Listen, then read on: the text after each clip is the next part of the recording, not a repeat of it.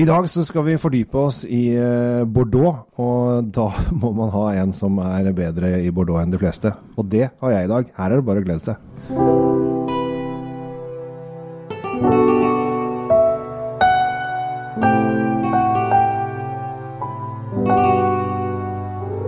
Hei og hjertelig velkommen til eh, ukas podkast. I dag så er vi ekstra heldige, Tom.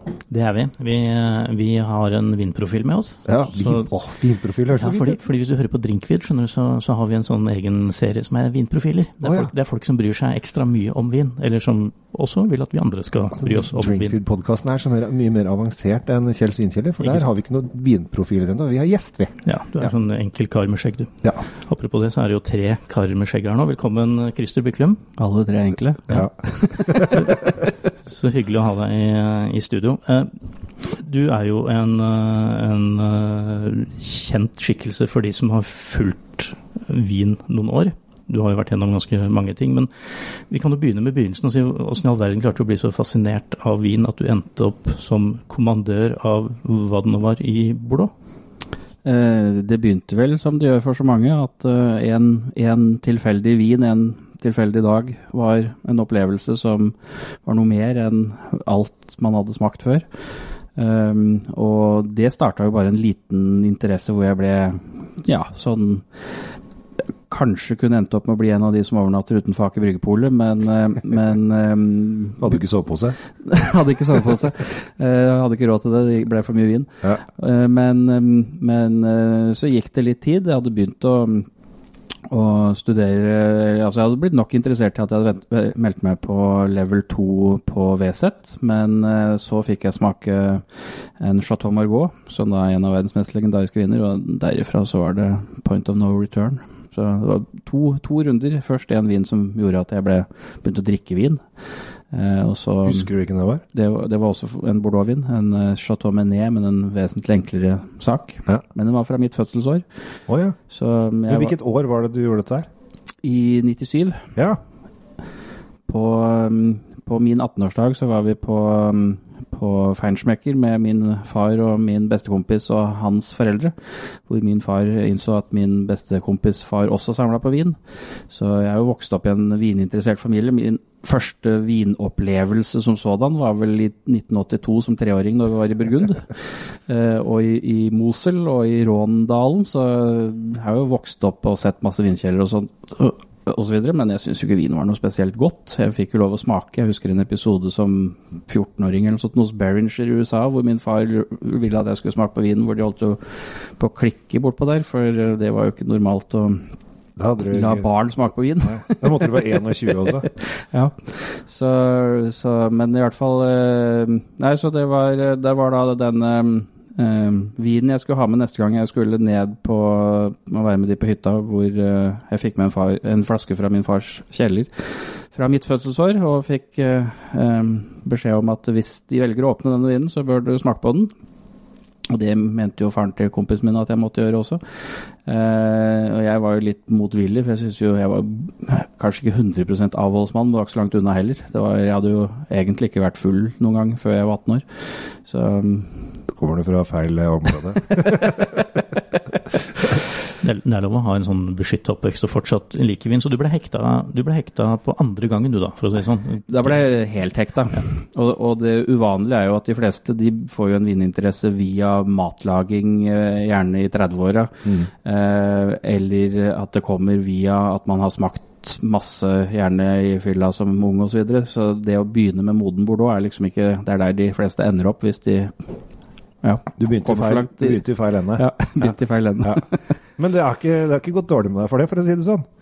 Nei, det, det har jo eh, det, det var vel en slags eh, variant som gjorde at man kanskje kom lenger tidligere enn man ellers ville gjort. Men, men hvordan tok du det videre? Altså, du, begynte du å studere vin ordentlig da, eller, eller hva- ble det mer sånn Nei, altså Dette var jo 97, så jeg begynte jo bare å drikke vin litt sånn smått. eh, og så um, husker jeg ikke helt eh, eksakt rekkefølgen, men jeg fikk en ekstrajobb i hvert fall på Vinmonopolet på et tidspunkt. Uh, I 2001 eller 2002 eller et eller annet sted rundt der, hvor jeg um, eh, blant annet tok Vinmonopolets stige, så altså sånn intern utdannelse, og da ble man ganske nysgjerrig på, på mer kunnskap, og så, og så um, var det vel i 2003 jeg meldte meg på VZ eh, level 2, da. Eh, og det var da jeg også Jeg trodde jeg hadde smakt Jeg trodde jeg meldte meg på den, uh, den utdannelsen etter jeg smakte Chateau Margot, men det har jeg sett i ettertid at jeg hadde allerede meldt meg på, for nå har jeg funnet igjen notat i en lang, gammel bok. Det var jo også et tips jeg fikk fra fattern ganske tidlig. Det var to gode tips. Det ene var kjøp eh, Hugh Johnsons Pocket Winebook, som, du, som er liten, som du kan ha i lomma. Da gjør du ikke bomkjøp. Eh, og det andre tipset var eh, begynn å skrive noen notater. Eh, skriv om du syns vinen er god eller ikke. Fattern hadde jo masse sånne utklippsbøker med, med sånne mm, etiketter, og den gangen det var mulig å få av en etikett, det holdt jo jeg på med og surra med i evigheter også. Få av etiketter og lime inn i bøkene og sånt. I stedet for glansbilder, så samler Ja, du på for- vinetiketter. Jeg hadde sånn fotballkort, jeg, med det, med det. Nei, det var ikke så mye fotballkort. sånn. Jeg vet ikke hvor mye en Margot står i kontra en Kevin Keegan, jeg, men det kan du Nei, altså, jeg tror de er ganske jevne der. Altså. Ja, du tror det. Ja, jeg vet okay. ikke om de der eh, etikettene har noe særlig verdi i dag, men Men Christer, det er jo et tips eh, til dere gutter og jenter der ute som hører på nå, at eh, begynn å skrive ned hva du drikker.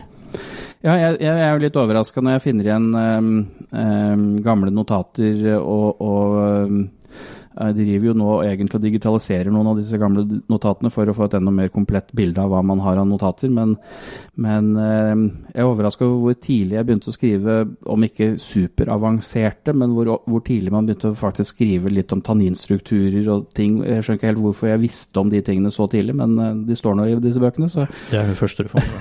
med Har du ikke skrevet om tanninstruktur ennå?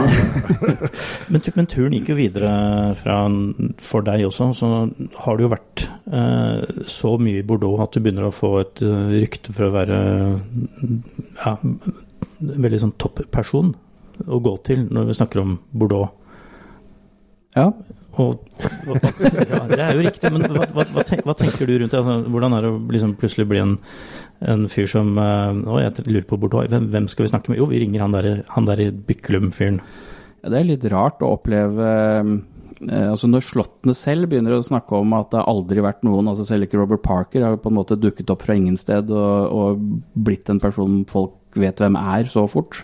Det er jo veldig snålt, for eh, man sitter jo bare på et fjell i Norge, føler man, og helt utenfor, utenfor uh, vindverden sånn egentlig. Men eh, men ja, jeg vet ikke. Eh, Jeg, fikk, eh, jeg stilte det spørsmålet til, eh, til en vinprodusent en gang selv, egentlig. Hvor, hva er det som gjør at Eller ja, hvorfor de plutselig begynner å publisere mine notater i sine, sine presseslipp osv. Og, så og da sa de at at en av verdens fremste champagneeksperter er, er svensk.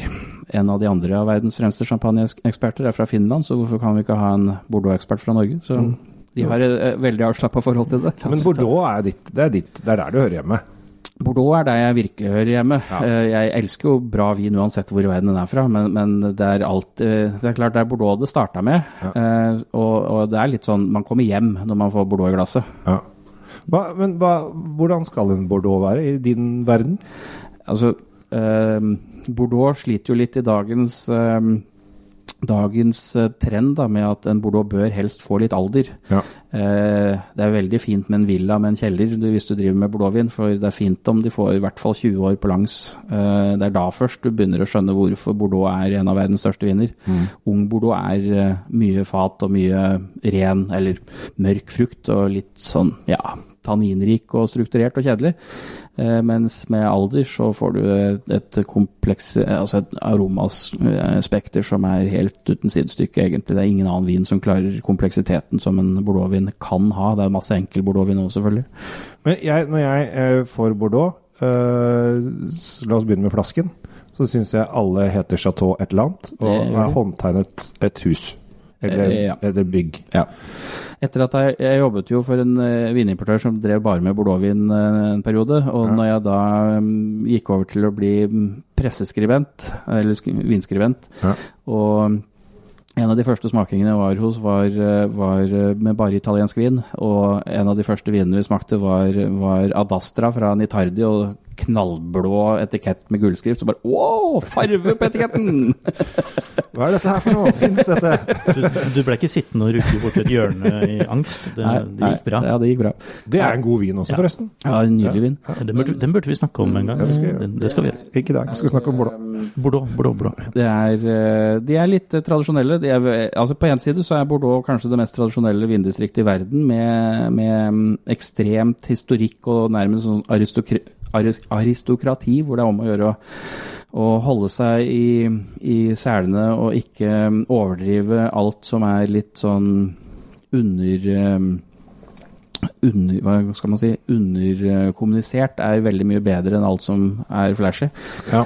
Um, diskresjon er eh, viktig, uh, mens, mens på den annen side så er det jo kanskje ikke et eneste vindistrikt i verden som forsker mer heller, og investerer mer for å forstå vindproduksjon. Universitetet i Bordeaux er, er um, sammen med kanskje Geisenheim i Tyskland, et av de fremste universitetene på, på, um, på um, vinifikasjon og, og vitikultur. Altså, de forsker på alt. De forsker på hvordan du skal hindre å få, få kreft i vinstokkene på måten du klipper på osv. Det, det, det, det er helt ekstremt hva de forsker på. Du, duestokkmedisin, altså. Det, det, Ja, rett og slett. Ja. Ja, og, og, og alle førstevekstene møtes jo, altså alle de beste slottene av, av alle sammen. Alle de tekniske direktørene og vinmakerne møtes jo en gang i måneden for å drøfte alle problemer de møter på på sin vei for, for ja, som de snakker eksempel. sammen der nede. Ja, så de snakker samarbeider. Ja, de, de, de samarbeider veldig. Ja. Det er okay, men- vi mot dem. Ja. Litt tilbake til, eh, til det du spurte om, eh, Kjell Gabriel. om Når du ser på flaskene og chateau og sånn, Ja. fins det noe Christer, finnes det noen slags huskeregel på å huske alle disse slottene? For oss som ikke snakker fransk, så er det jo sjanseløst. Ja, altså, det finnes noen huskeregler for å huske vinnavn i det hele tatt. Det er jo, Vinnavn er jo på et annet språk, og, og fransk Altså, Jeg tror en av grunnene til at italienske viner har hatt et så stort oppsving, er jo ikke bare pga. At, at mange av vinene er lette å like, men de, de, om du ikke kan uttale et italiensk navn riktig, er ikke fullt så flaut som hvis du ikke kan si et fransk navn riktig. Jeg tror det er bitte lite grann av, av eh, historien også. Men, men eh, Nei, det er ikke noe enkel, enkel eh, hvordan du skal huske Det er jo 8000 produsenter, så jeg, selv jeg husker jo ikke alle navnene i Bordeaux. Nå er jeg litt sjokkert, kjenner jeg. Men, men det går jo an å begynne med at det er jo to Det er en høyre side og en venstre side. Det er en høyre og venstre side. Ja. Så det er enklere å huske, huske de forskjellige kommunene og kanskje hva de står for. Eh, Du kan si at det er, det er delvis nesten tre, selv om man aldri snakker om at det er tre sider. For du har en søndre side også, som er Grav og Pesac mm. som er en mellomting stilmessig mellom øst og vest. Eh, Man bruker gjerne litt mer eh, litt mer eh, lå, som da er litt mykere, eh, enn eh, enn man gjør oppi med Medoc. I Medoc er det vanligvis minst 50% Cabernet Sauvignon, eh, gjerne helt oppi på Pauillac og Saint Jolene kan du ha oppi bortimot 100 eh, i hvert fall i varme årganger hvor Cabernet Sauvignon blir fullt moden. Og på østsiden, eh, Pomerol kan være helt oppi i 100 Merlot. Eh, og og det er gjerne bare litt grann eh, eh, Cabernet Franc eller Cabernet Sauvignon i en Pomerol, mens i Saint-Emilion så er det en større eh, Der er det gjerne et sted mellom 50 og 70% kanskje opp i 80% Merlot, og så har du litt mer Cabernet Franc og gjerne Cabernet Sauvignon, som er ganske sjelden i, i Pomerol. Jeg skulle ønske jeg visste dette her før jeg var med Hewlett Packard på sånn sponsa tur for 15 år siden. En venninne av meg som jobbet i HP. Da skulle vi blende vår egen vin. Jeg skulle ønske jeg hadde disse blendegreiene, for vi tapte den konkurransen med glans. Men det var i Bordeaux? Det var i Saint-Emilion. Ja. Ja. Så eh, hadde jeg bare visst det, så kunne jeg bare gått og blenda etter det. Og skulle drukket villig vekk. ja. Jo, men uh, nå er det ikke alle som er esla til å bli vinmakere. Da. Nei, det er helt klart ikke. du har en annen rolle her i verden. Ja, ja. Det skal vi Ja. kanskje være Det er kanskje greit. Men når du sitter og ramser opp eh, alle disse tingene og sånn, så, så vil jo for en som ikke er dypt inni det her, virke eh, ja, om ikke gresk, så i hvert fall fransk på, på, på, på en dårlig dag. Eh, Føler du noen gang at du snakker over hodet på folk? Ja, det gjør man vel kanskje fort, for det blir mye navn, og det blir mye, mye, mye stedsnavn og slottsnavn osv. Eh, nå er jo Jeg har jo også da retta meg litt mer mot, mot eh, fine wine eh, eh.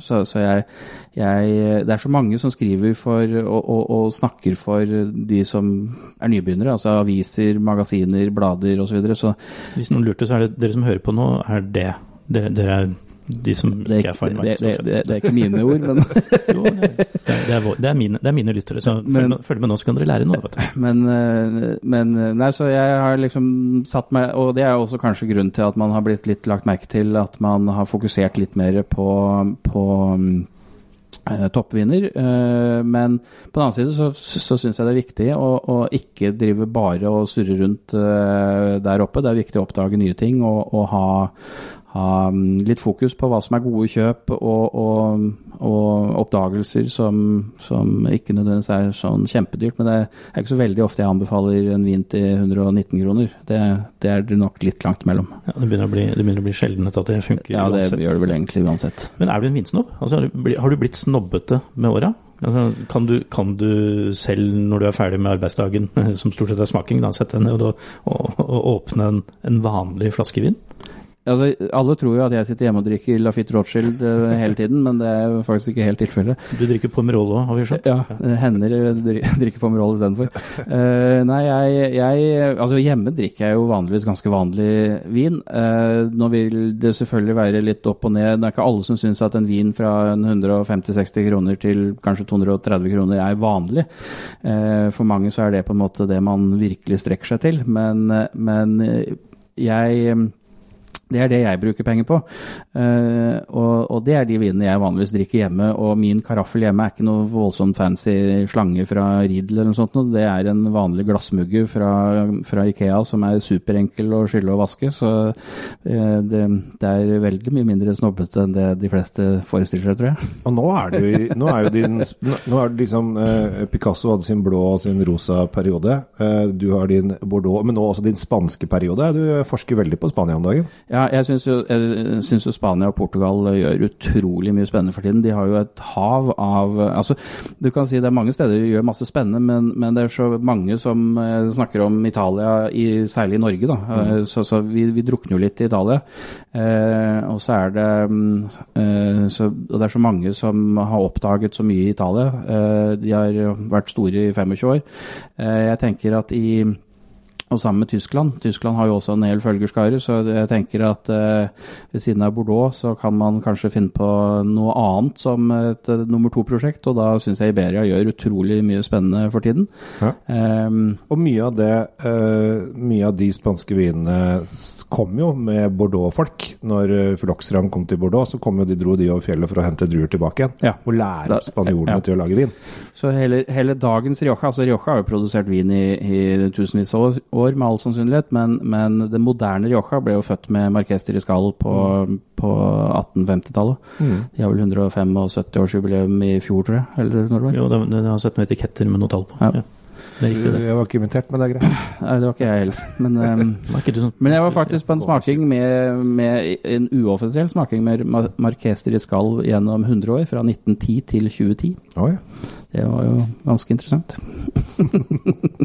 begynte du på toppen og jobba deg bakover? Eller? Da begynte vi på eldste og gikk til det yngste. Ja. Men tilbake igjen til Bordeaux, for jeg syns dette er, eh, når vi først har uh, kjenneren her uh, Hva kjennetegner en god Bordeaux? For å gjøre det veldig åpent. Ja, altså det, er, det, er litt, det, er, to forskjellige stiler. Så, så, hvis vi tar vestside først, som er det mest klassiske, det som er det mest kjente, det er der de klassifiserte 1855-klassifikasjonsslåttene er. Eh, så har vi, og igjen med alder, for ungt så er det Cabernet Sauvignon. Altså det er masse solbær og, og bjørnebær. Eh, de bruker jo en god del fat, så det er mye vanilje og toast. Eh, spicy krydder fra fat. Mm.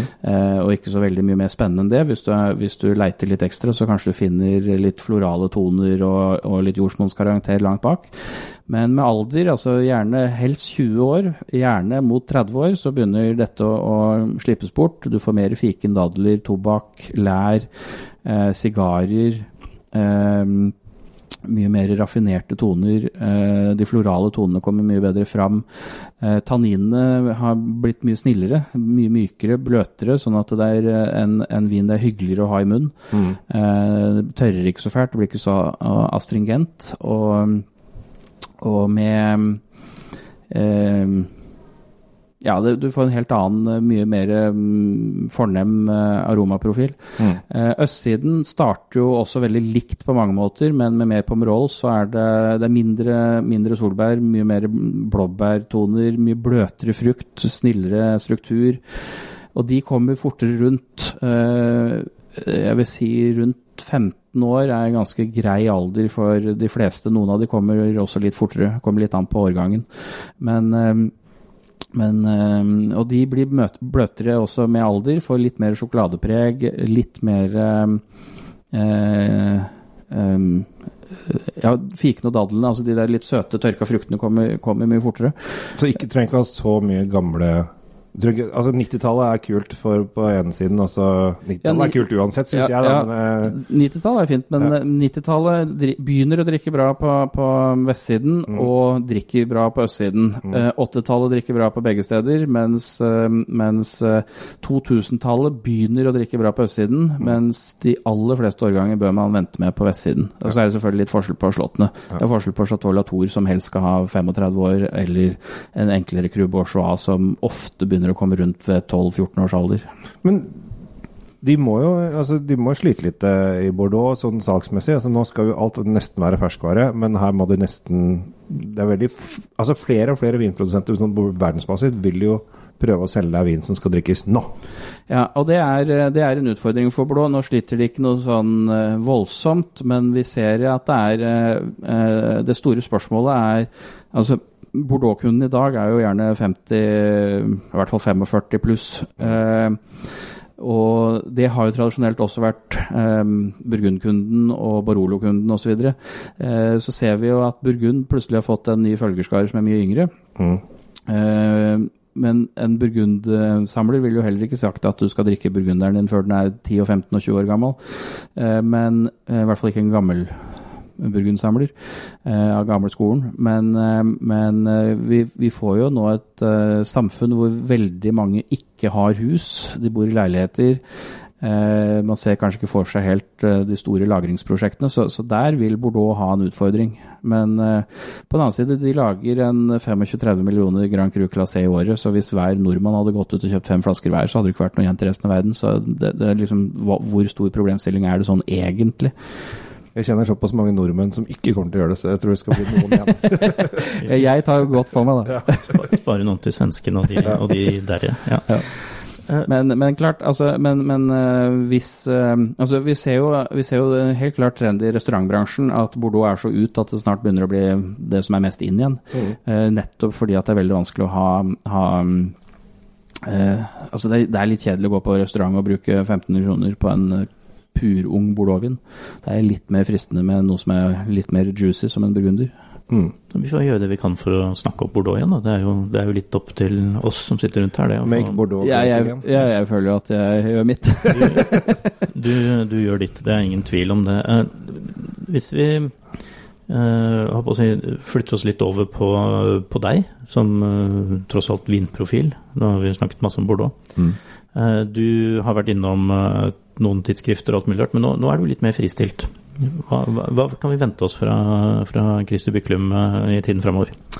Um, ja, akkurat nå vet jeg ikke sånn 100 hva, hva um, framtiden blir. Det, ligger, det er noen eh, ting i, i um, pipeline, er ikke det det så fint heter? Røynda. Røyn, da. Men, eh, men ehm, eh, at, eh, at jeg skal på en måte restaurere mine egne nettsider og prøve å få samla det under ett, Der i hvert fall Jeg har jo en haug med nettsider, og det er jo rett og slett fordi at jeg aldri har brukt eh, ordentlig tid på å gjøre det ordentlig, så det, det blir litt sånn kaotisk å følge med på dette her, men, eh, men det er eh, på en måte hovedfokuset. Ehm, å få samla alt under ett, og så, så det blir vel en eller annen slags ehm, uh, ja, christerbyklum.com. Kjedelig variant. Har mangel på annen oppfinnsomhet, så det er ikke sikkert det er det som blir navnet, men et eller annet. Det er vel bare å følge med på en av Facebook-kanalene dine, så får vi vel Ja. vite det. Eh, men, men eh, Nei, så er, ja, så det er litt andre ting også, men jeg vet Men du ble ja. jo kåra som eh, Eller var innom topp ti vinskribenter eller et eller annet sånt, var det ikke det? Eller høyt opp i et eller annet system? Ja, det har vært en finsk kåring hvor jeg har vært, uh, fikk 18.-plass i fjor og 19.-plass i år. Eller forfjor og i, forf i Ja. fjor, egentlig. Hva, det, hva Eh, kan man få ut av det, sånn på verdensbasis? Jeg vet ikke om, man, eh, vet ikke om hva det betyr. Nei. Du, du klarer ikke å si det på finsk heller, så Nei. Hvem vant? Hvem vant slikt? Eh, jeg tror det var Neil Martin som vant i år, og Jancis Robinson i fjor. Ja. ja, Så du er ikke så langt unna noen som veldig mange i verden Altså, det å være eh, Altså, ifølge Ifølge eh, hvor du havner Det er jo en, en 50-liste som, som ifølge arrangøren så er det er det, de, de- har spurt 250 vinprodusenter eller noe sånt nå, eh, om, eh, om de kan rangere de, de, de kritikerne de mener er mest troverdige. Det er ikke hvem som er best eller mest kjent, men de som er mest troverdige i verden. Mm. Og at man i det hele tatt har havna på en sånn liste, er jo helt sprøtt. Eh, det er jo verdens mest kjente navn som er der. Så jeg, det, det skjønner ikke helt hvorfor man står på den lista, men det er jo veldig hyggelig. Jo, men du kan vel en del om Bordeaux, da, kanskje? Kanskje det har hjulpet på? Ja, jeg kan, kan en del om Bordeaux, eh, helt klart. Jeg husker, jeg må, det er, det må ha med litt gode historier her også. Eh, vi var på en eh, vinsmaking, alle vi tre. En pressesmaking hos en eh, importør. Jeg skal ikke nevne navn. eh, der importøren eh, tok eh, og skryter av vinen, som veldig mange importører gjør, kommer fra høytliggende vinmark i Bordeaux. Da du eh, kremta litt borti kroken din eh, det, det, altså, det er litt kjedelig på disse pressesmakene. Vi, vi prater jo ikke så veldig mye innabords, og så sier du bare ja, høyt og høyt. Det er vel det høyeste punktet i Bordeaux er vel kanskje 84-85 meter, så jeg vet ikke hvor høyt du skal ha det her. Det var, det var fantastisk. Og øyeblikk. da stoppa, da stoppa han helt opp og skjønte at nå har han brukt en sånn typisk frase som visstnok skal gjøre at vinen skal være så jævlig mye bedre. For det er jo ikke så høyt i Bordeaux. Nei, det er ikke så veldig høyt i Bordeaux. Nei. Men det er jo det som er, ikke sant, at det er jo noe det er, altså, det er mange som er eh, Jeg kan- ikke si at jeg husker denne smakingen her, men jeg er jo på noen smakinger. Men eh, det er jo noen, noen eh, det er jo en del fraser som folk bare bruker Ja. eh, og, og slenger ut av seg. Jeg husker jeg var på en middag også hvor en eh, sommelier sto og snakket om hvor fantastisk vi hadde en chateau Altså ikke en chateau Margot, men et, et Margot-slott i glasset, og snakket om eh, hvordan du kunne kjenne hvor fantastisk um, eh, kalksteinsmineralene i denne vinen var. Og problemet er at det er ikke så veldig mye kalksteinsplatå i Margot, da, som denne sommelieren skulle ha det til. Der er det jo stort sett grus. Eh, og litt leire og sånt noe. Så det, det er mange som er veldig flinke til å snakke uten at de nødvendigvis tenker over at det de sier er riktig til enhver tid. Det er fine, fine ord. Høytliggende vinmarker er Høytliggende vinmarker med, med, med kalkstein. Ja, men det høres fantastisk ut. Jeg vil, jeg vil dra dit. Ja. Ja. Høytliggende bratte skråninger i Margot. Ja. Men, nå vet jeg ikke hvordan uh, interessen er for uh, idrett, uh, Byklum, men det er noe som heter Medoc Marathon. Ja. eh, som er da et maraton som går da, det er 4,2 mil. Men du skal innom 24 vinhus på østsida av elva. ja. Er det noe som eh, nesten frister? Hvor mange ganger har du løpt? Jeg, har ikke løpt det. Jeg får ikke meg til å løpe noe sted. Nei, nei frister. Det, det, flyplassen er full av leiebiler. Ja. Uh, nei, det frister ikke meg i det hele tatt. Men, eh, men jeg ser jo noen bilder derfra hvert år, og det ser ut som de som holder på med dette her, har det veldig gøy. For det er jo det er jo ikke bare et maraton. For det første så får du jo servert uh, viner underveis, Ja. eh, men eh, litt av poenget er også å kle seg ut. Ja. Så det er mange som eh, ser ganske festlige ut. Jeg tror de har det gøy. De, har det og de får østers og oster, og det er liksom ikke måte på. Det, Ja. Jeg, jeg, det er- det er blitt en event. men jeg, ja, Det er blitt en hel event. og- 8500 med deltakere. Ja, hotellene i Bordeaux er utsolgt, og, og det, er, det tar helt av. Altså Bordeaux by er på størrelse med Oslo, så det, det sier litt om hvor mange som tar inn på hotell for å være med på dette løpet når byen, byens hoteller blir utsolgt. Ja. Så Kanskje et prosjekt, øh, gutter? Ja, nei, ikke for meg. Jeg, La, la oss ta en Noen må stå i mål og heie. langsiktig planlegging. det, det er jo få mennesker som er mindre glad i å bli svett enn det jeg er. Ja, men 24 vinhus på en dag er jo en øh, jobb i seg sjøl, det. Ja, altså det er mer enn jeg klarer under primør. Ja. Men jeg kanskje fokuserer noe mer på smakingen da, enn det de gjør. Det er, vel, det er vel ikke alle som spytter heller på disse løpeturene, vil jeg tro. Nei, det hadde jeg droppa. Ja. Hvis noen skulle tvingt meg ut til det, så hadde jeg droppa det. her skal det gjennom, altså. Vet du hva, det hadde vært kjempehyggelig å ha deg her, eh, Christer Byklum. Eh, Kjell Gabriel også, som er, Ja. som er på besøk eh, I er på besøk. i, i Drinkfeed-studio. Ja. Eh, veldig gøy å ha en, ha en som er så til de grader lidenskapelig opptatt av det han driver med, hele tiden. Uten opphold.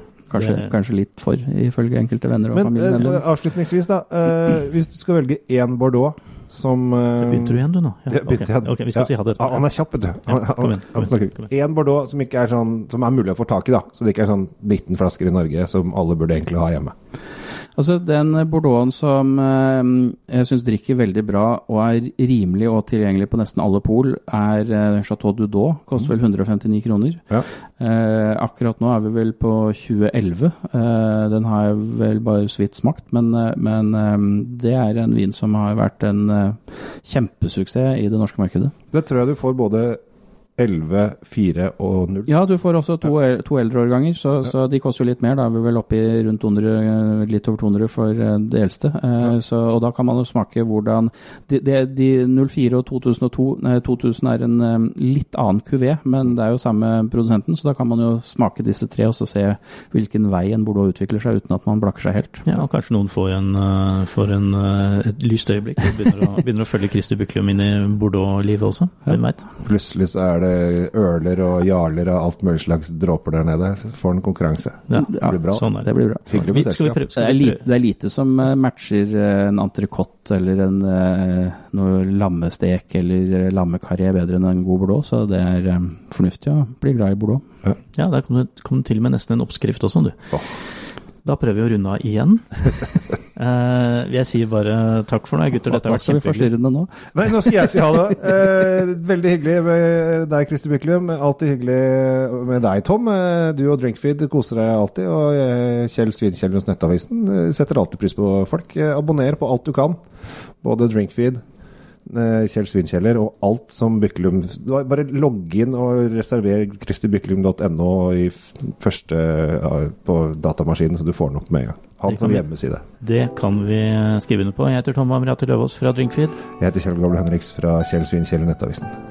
Og Christer Byklum.